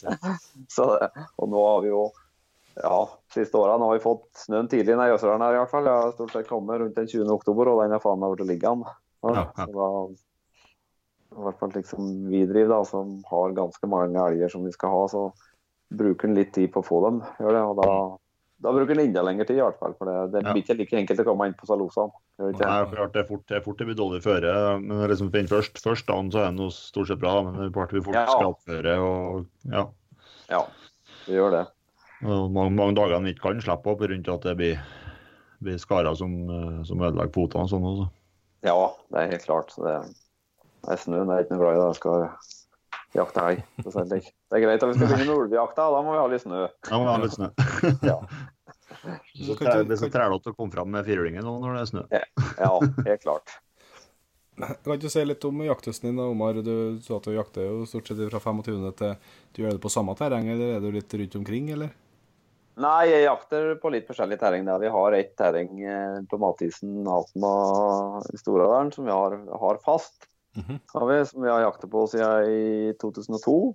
Jaha.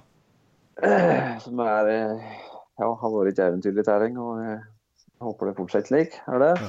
Og så har jeg, jeg har vært heldig og hatt terrenget rundt her i Bor nå de siste fire-fem årene. Og så har jeg noe terreng på grunneierlaget på vestsida på den her attåt. Så har jeg ja, vinner vært en svensk tur. Har jeg, hatt med kompisen jeg har borti der. Og så har vi hatt ei uke i Meråker, stort sett. Har vi de siste årene. Så han får prøvd seg på litt forskjellig terreng, da. Og litt forskjellige Ja. alger.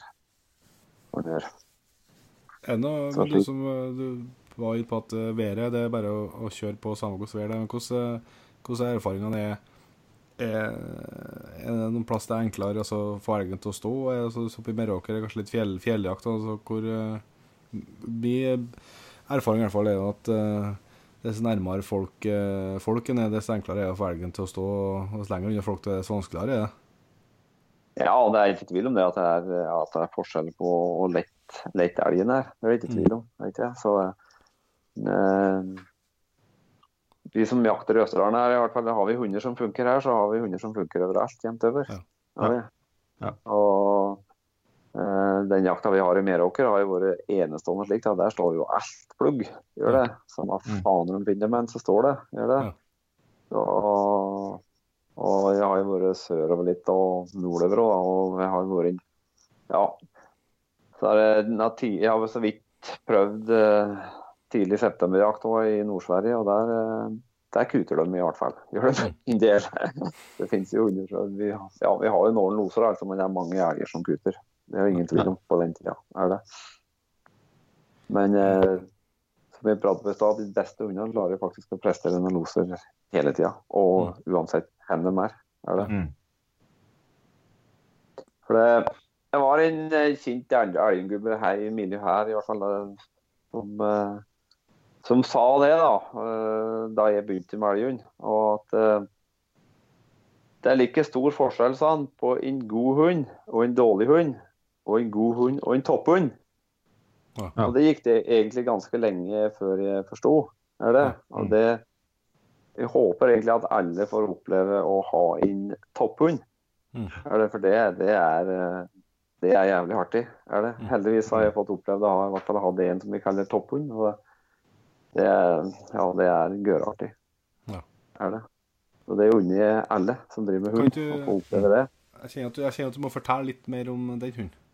Jo, nei, den hunden kan jeg jo fortelle litt om. Det var eh, Han er født i Den var født i Hedesunda i Sverige. Har han. Hatt en eh, gubbe som heter Bosse Gustavsson. Det. Han eh, Han har drevet med jentehund en del år. Da. Hadde bak hunden der da, så hadde han hatt seks, seks tisper på, på rad som var jaktsjampioner. Og det var det som liksom fanget interessen min første turen. da, At uh, dette her så jo utenkelig jævlig bra ut. Gjorde det. Så paren min han hun uh, oppe i Umeå, som heter Trollbrånes Rex, det, han kom jo til et jævlig bra kull. Og mor hans er vel fortsatt en av de tispene som har levert absolutt best i Sverige. Jeg tror hun har ja, i hvert fall rundt 85 jaktpremiert avkom. Ja. Er det? Ja. Og peiler meg ut av kullet. Det er ganske fort og. Jeg så ringte jeg til gubben og lurte på om det var håp om å få kvalp. Og kroppen var supertrivelig og sa at ja jo, han er du ivrig og jakter mye og villig til å gå prøver, så er det håp om å få kvalp. Var det. Mm. Så jeg reiste jo bortover og hentet inn en hund. og uh, Avlsråd for jentene i Finland faktisk var å skulle hente, ha det førstevalget på hannhund i det kullet. Så Det syns jeg var litt spennende. selvsagt, så De tok jo med seg inn, og jeg skulle ta nummer to. da, Så jeg tok nå bare en valp som jeg syntes var grei nok. Det, har jeg jeg med og når hun lå nå Krølle Jeg var alene da den, så han lå nå i, ja, i gulvet foran, foran framsetet på bilen og sov til jeg kom mot svenskegrensa. Men da var det slutt på finveien, for å si det pent, så da spydde han jo i ett til jeg var hjemme igjen. Men det, det som var tøft, da, var da jeg kom hjem igjen på gården her, så det går ammeku rundt gården her, da. er det. Og Han var jo nedspydd og jævlig når jeg kastet unna bikkja til bilen. og Han satte føttene på, på bakken, så så han samekyen. Og så knallet han rett oppå der og begynte å lose på dem. Det her, her er faen ikke ille, kanskje. og ja, jeg venter Han var født i april. Barn. 23. april var han født. Barn. Og så har vi jo noe båndtvangen og greier, da, så jeg vi skulle liksom prøve å unngå det. Og så jeg hadde jævlig lyst til å prøve å slippe den på våren, da, da han var rundt i året. Mm. Og det, viste, det ble jo sånn passelig fine forhold til det, så jeg reiste ut slapp den eh, da i april nå. Eh, da hunden han reiste, reiste ut bare, gjorde. Og det gikk ikke så lenge, så var det uttak 700 meter nord av meg, og det sto. Gjorde. Så jeg satt nå bare der og tenkte at han er vel som de fleste andre hunder, han vil vel ta kontakt etter hvert, men nei. Han var ikke interessert i det, så han sto der og loset i en time, og han sto og loset i to timer. Da tenkte jeg får jeg prøve å gå innpå. Kom innpå, så drev han jo med to voksne dyr. Gjorde han og da jeg plystret på han, så kom han da faktisk. Gjorde han. Innåt og fikk kjæling, og det var egentlig første og siste gang jeg klarte å få han til å innlos. var det. Så støkte de på seg elgene, og den flyttet seg noen hundre meter og stoppa igjen. Og sånn drev vi egentlig i sju timer. Ja. Før jeg, før jeg fikk med meg den hjem igjen. Og sånn eh, var egentlig når hunden til døde. Han jeg tok, tok, tok den da, eh, før jul i, i fjor. Så det er den første høsten min på lenge nå at jeg ikke har med han. Han ble elleve år. Ja. Han var, eh, var helt ekstremt stille elg, altså. Ja. Og det var jo Den, om det var eh, piggokser eller om det var kvier eller kalvkolder eller det spilte liksom ingen rolle om fant, for det er stort sett så sto det, altså. Ja. Den Tyson. Det er Tyson, ja. Mm. Så han var startet på de jaktprøvene i Norge og hadde 86 poeng i snitt Og prøvene sine. Det er ganske bra å få til uten å ha innkalling, da, i hvert fall. Så det, Ja, det for det- var en enestående hund. Var det. Ja.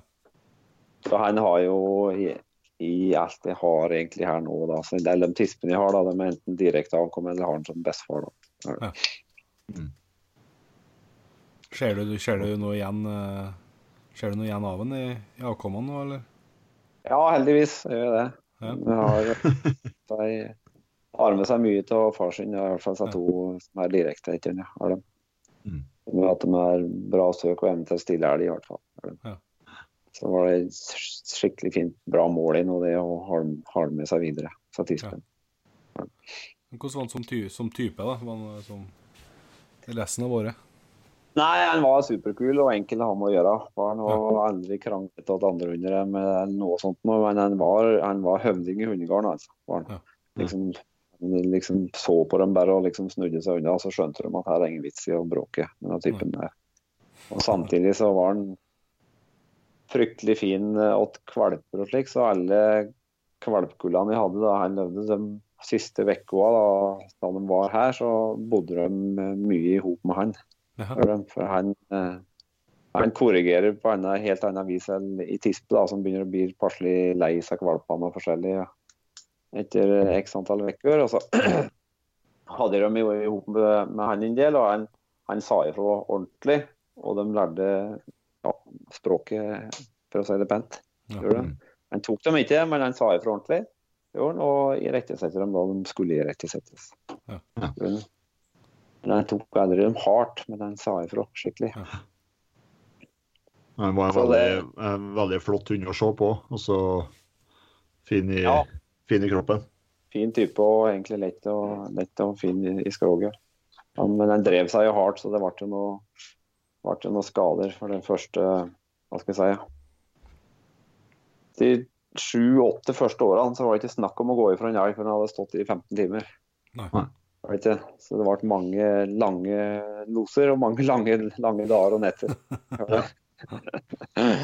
så det, kan vi, vi holder på å nærme oss eh, den magiske grensa vår, som Pedersen ikke finnes, men uh, den kan vi kanskje snakke litt om, Jomar. Uh, for du, du er litt opptatt av at du skal ikke ha noe, du skal ikke ha noe bøkkelhunder på 40 kilo.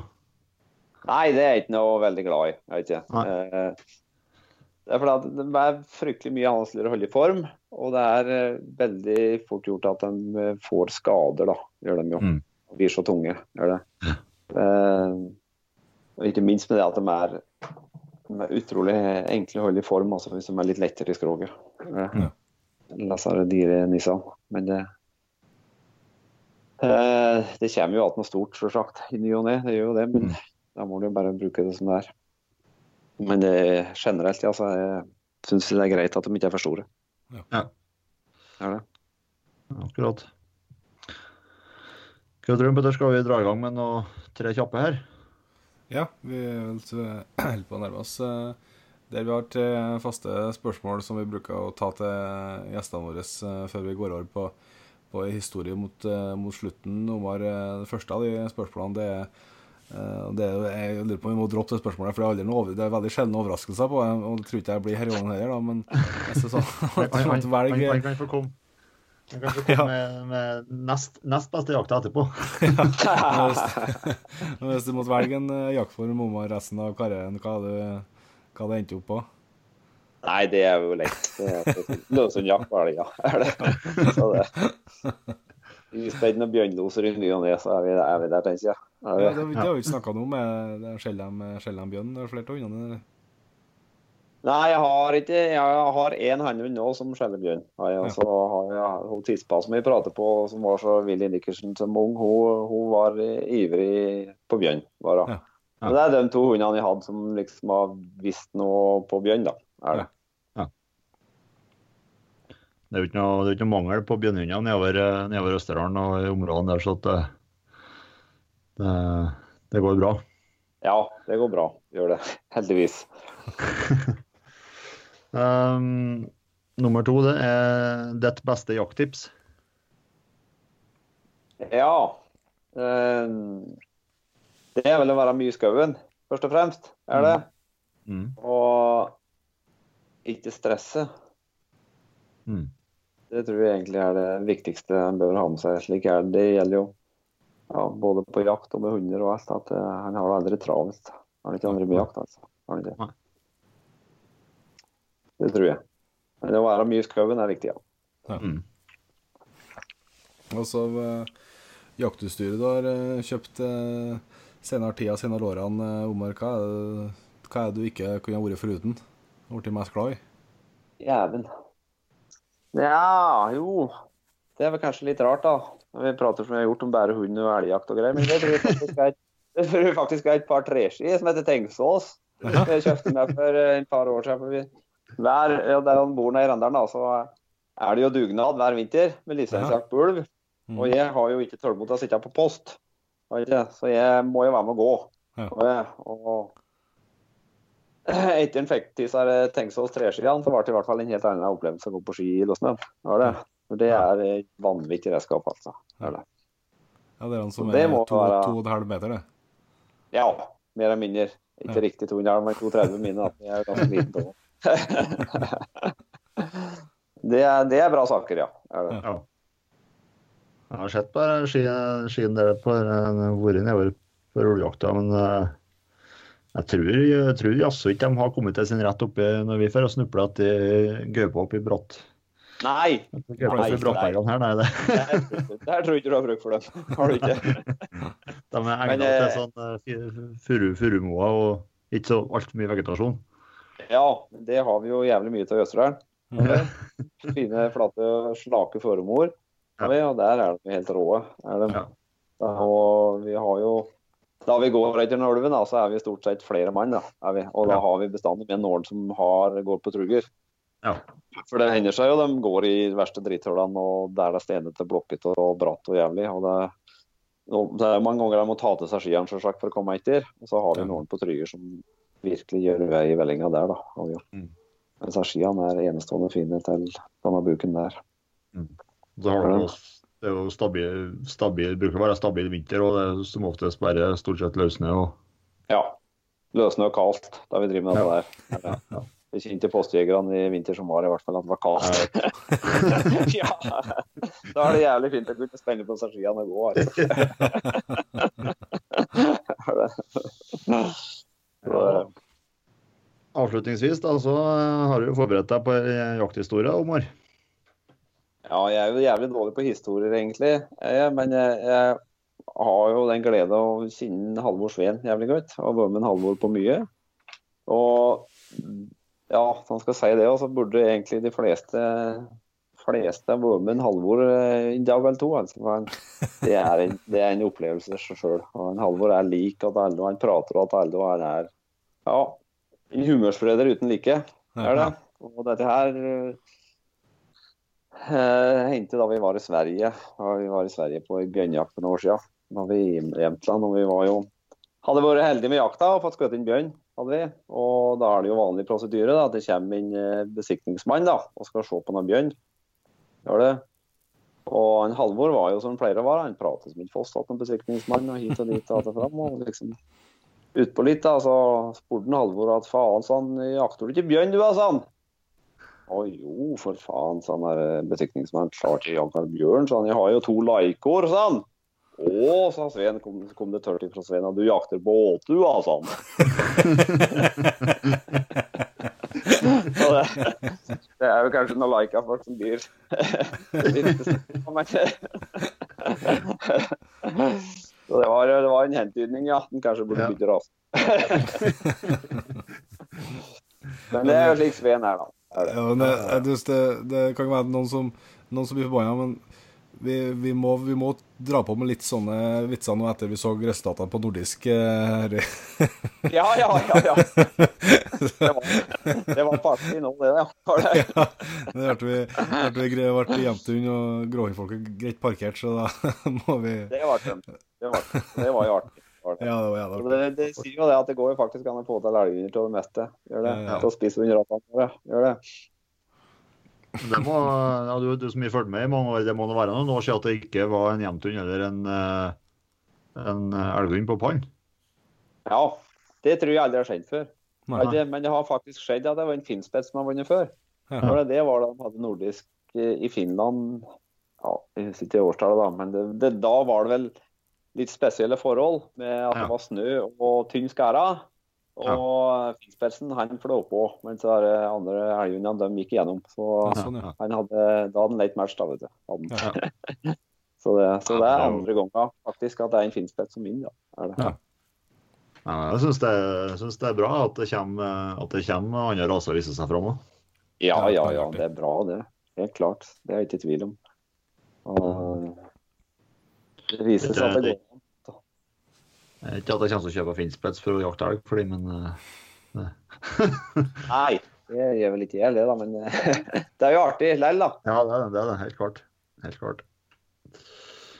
Yes. Nei, men da takker vi, uh, takker vi så gledelig for at du uh, ble med på et intervju. og Omar, så håper vi at lytterne eh, har fått, fått servert en del kunnskap og, og sett med en iver nå at det å begynne med løshundjakt. For det, Ja. det, det er vel ikke til å skrive på innstol at det er vel det er vel den jaktformen som vi brenner for, Petter. Ja, ja. Og, og, ikke, jeg, jeg har lært meg i hvert fall eh, mye her gangen òg, så Så det sier jeg tusen takk for, Omar. Både for at du ble med, og for at du deler av kunnskapen. Det er veldig verdifullt. Ja, det er superhyggelig, det. Og håper at den Ja, jeg håper at det kan være noe å plukke opp, da. Jeg, ja, det er veldig artig om det er flere som begynner med det der her. For det, jeg syns i hvert fall det er gørartig å drive med. Og jeg har drevet med det en del år nå, men jeg er akkurat like giret da jeg skal inn på en los. Så om det er trening eller om det er jakt eller noe der. Så jeg syns det er like artig å komme inn på og se, se på seg hundene, hvordan de jobber og, og det er for en elg. Og, ja, så det, det håper jeg mange flere begynner med. Mm. Det er det. Ja, Supert. da sier vi tusen takk, Omar. Og så skal vi ikke bort ifra at vi slår på tråden en gang igjen, vi. Flott, da høres vi. Gjøres. Det var Omar Trøen. En eh, meget eh, dyktig jeger og erfaren hundekar. Eh, nok en lærerik prat. og det som jeg kjente på, Jon Inge, var nå at, at han var såpass klokkeklar på at gode hunder bestandig får stå på elgen, så at ikke, det er ikke noe grunn til å skylde på vær og føre og sånt i, i den utstrekning som jeg har gjort, da. Nei, eh, jeg prøvde på en måte å dra inn det, men det ble slått hardt ned igjen, ja.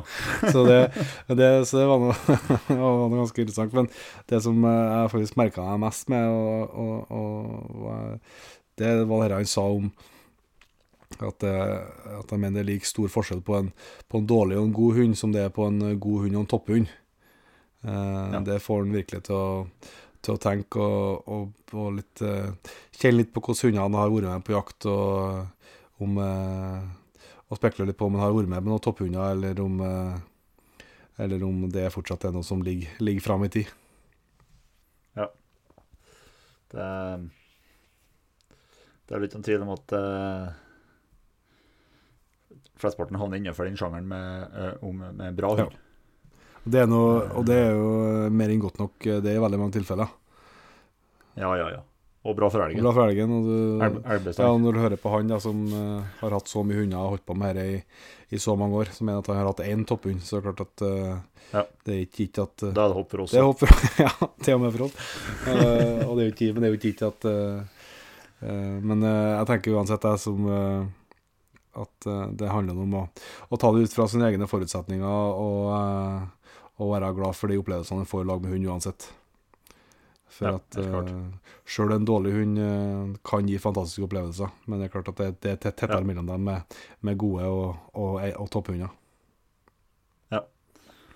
Så må man komme på det at det jo, nå har han, han valgt en livsform der han jobber mye på vinter og, vinter og sommer, og dermed kan jakte hele høsten. og Det er det jo ikke strengt tatt ikke alle som får, har muligheten til, men det, det er jo en sånn livsstil som, som mange velger. og Kanskje man må gjøre det for å oppnå de resultatene og hundene som han, nettopp han får til. Det kan godt være det, altså.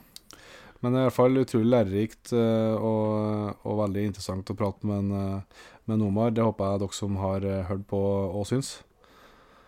Mm. Og som vi nevnte i starten, nå er det finalen på avstemminga. Gå inn på jegerpodden.no og stem på, på din eh, favoritt. Mm. Og eh, neste uke er vi tilbake igjen. Da er vi tilbake. Vi har jo eh, Vi har jo vært klar over det en stund at både jeg og du skal på elgjakt i vekkene. Og du har, du har vel litt tilgang på internett, men der jeg jakter, der er det 12 km å kjøre til nærmeste mobildekning. Så, så, vi så, så vi har forberedt oss litt og spilt inn en episode med en, uh, Jon Steinar Vangen. Den er også bare å glede seg til, for det er en, uh, meget underholdende kar. og Der er det snakk om både litt fuglejakt og, og bjørnejakt og elgjakt og, Litt og kort.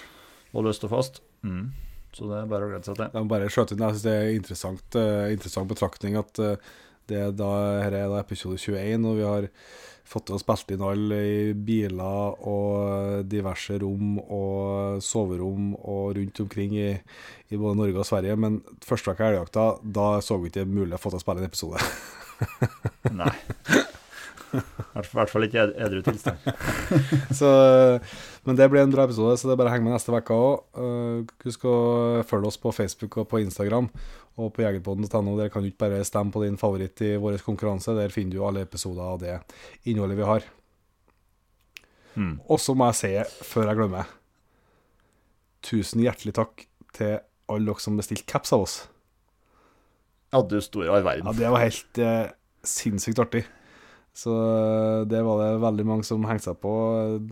Innboksen gikk varm både på Facebook og, og Instagram, eh, så det betyr veldig mye for oss. Det var på vis en, en liten test fra vår side, så vi skal komme sterkere tilbake med mer ting etter hvert, tenker jeg. Men eh, det var utrolig inspirerende, og vi fikk eh, ikke bare solgt veldig mange capser, men vi fikk òg veldig veldig mange klapp på skuldra fra, fra dere som, som kjøpte fra oss, og det setter vi utrolig stor pris på. Det gjør vi. Så da tror jeg vi bare avslutter her, Jon Inge. Og eh, så ønsker vi alle eh, dere som skal ut i Elgskogen på tirsdag, lykke, lykke til. Send oss eh, gjerne både bilder og tagg dem med hashtag Jegerpodden på Facebook og Instagram. Det blir vi veldig glad for. Og så snakkes vi, og lykke til, Jon Inge. Håper du skjøt en elg. Ja, det har vært, det har vært gjevt. For det har skittjakt bedre. Takk for det. Vi høres. Det gjør vi. Tusen hjertelig takk for at du valgte å bruke litt av tida di på Jegerpodden. Sjekk ut jegerpodden.no eller eh, din favoritt-podkastspiller for enda mer innhold og flere episoder. Følg også Jegerpodden på Facebook og Instagram, og ikke minst, husk å fortelle alle gode venner, familie og tilfeldige forbipasserende om Jegerpodden, sånn at vi får spredd det glade budskap videre. Vi høres.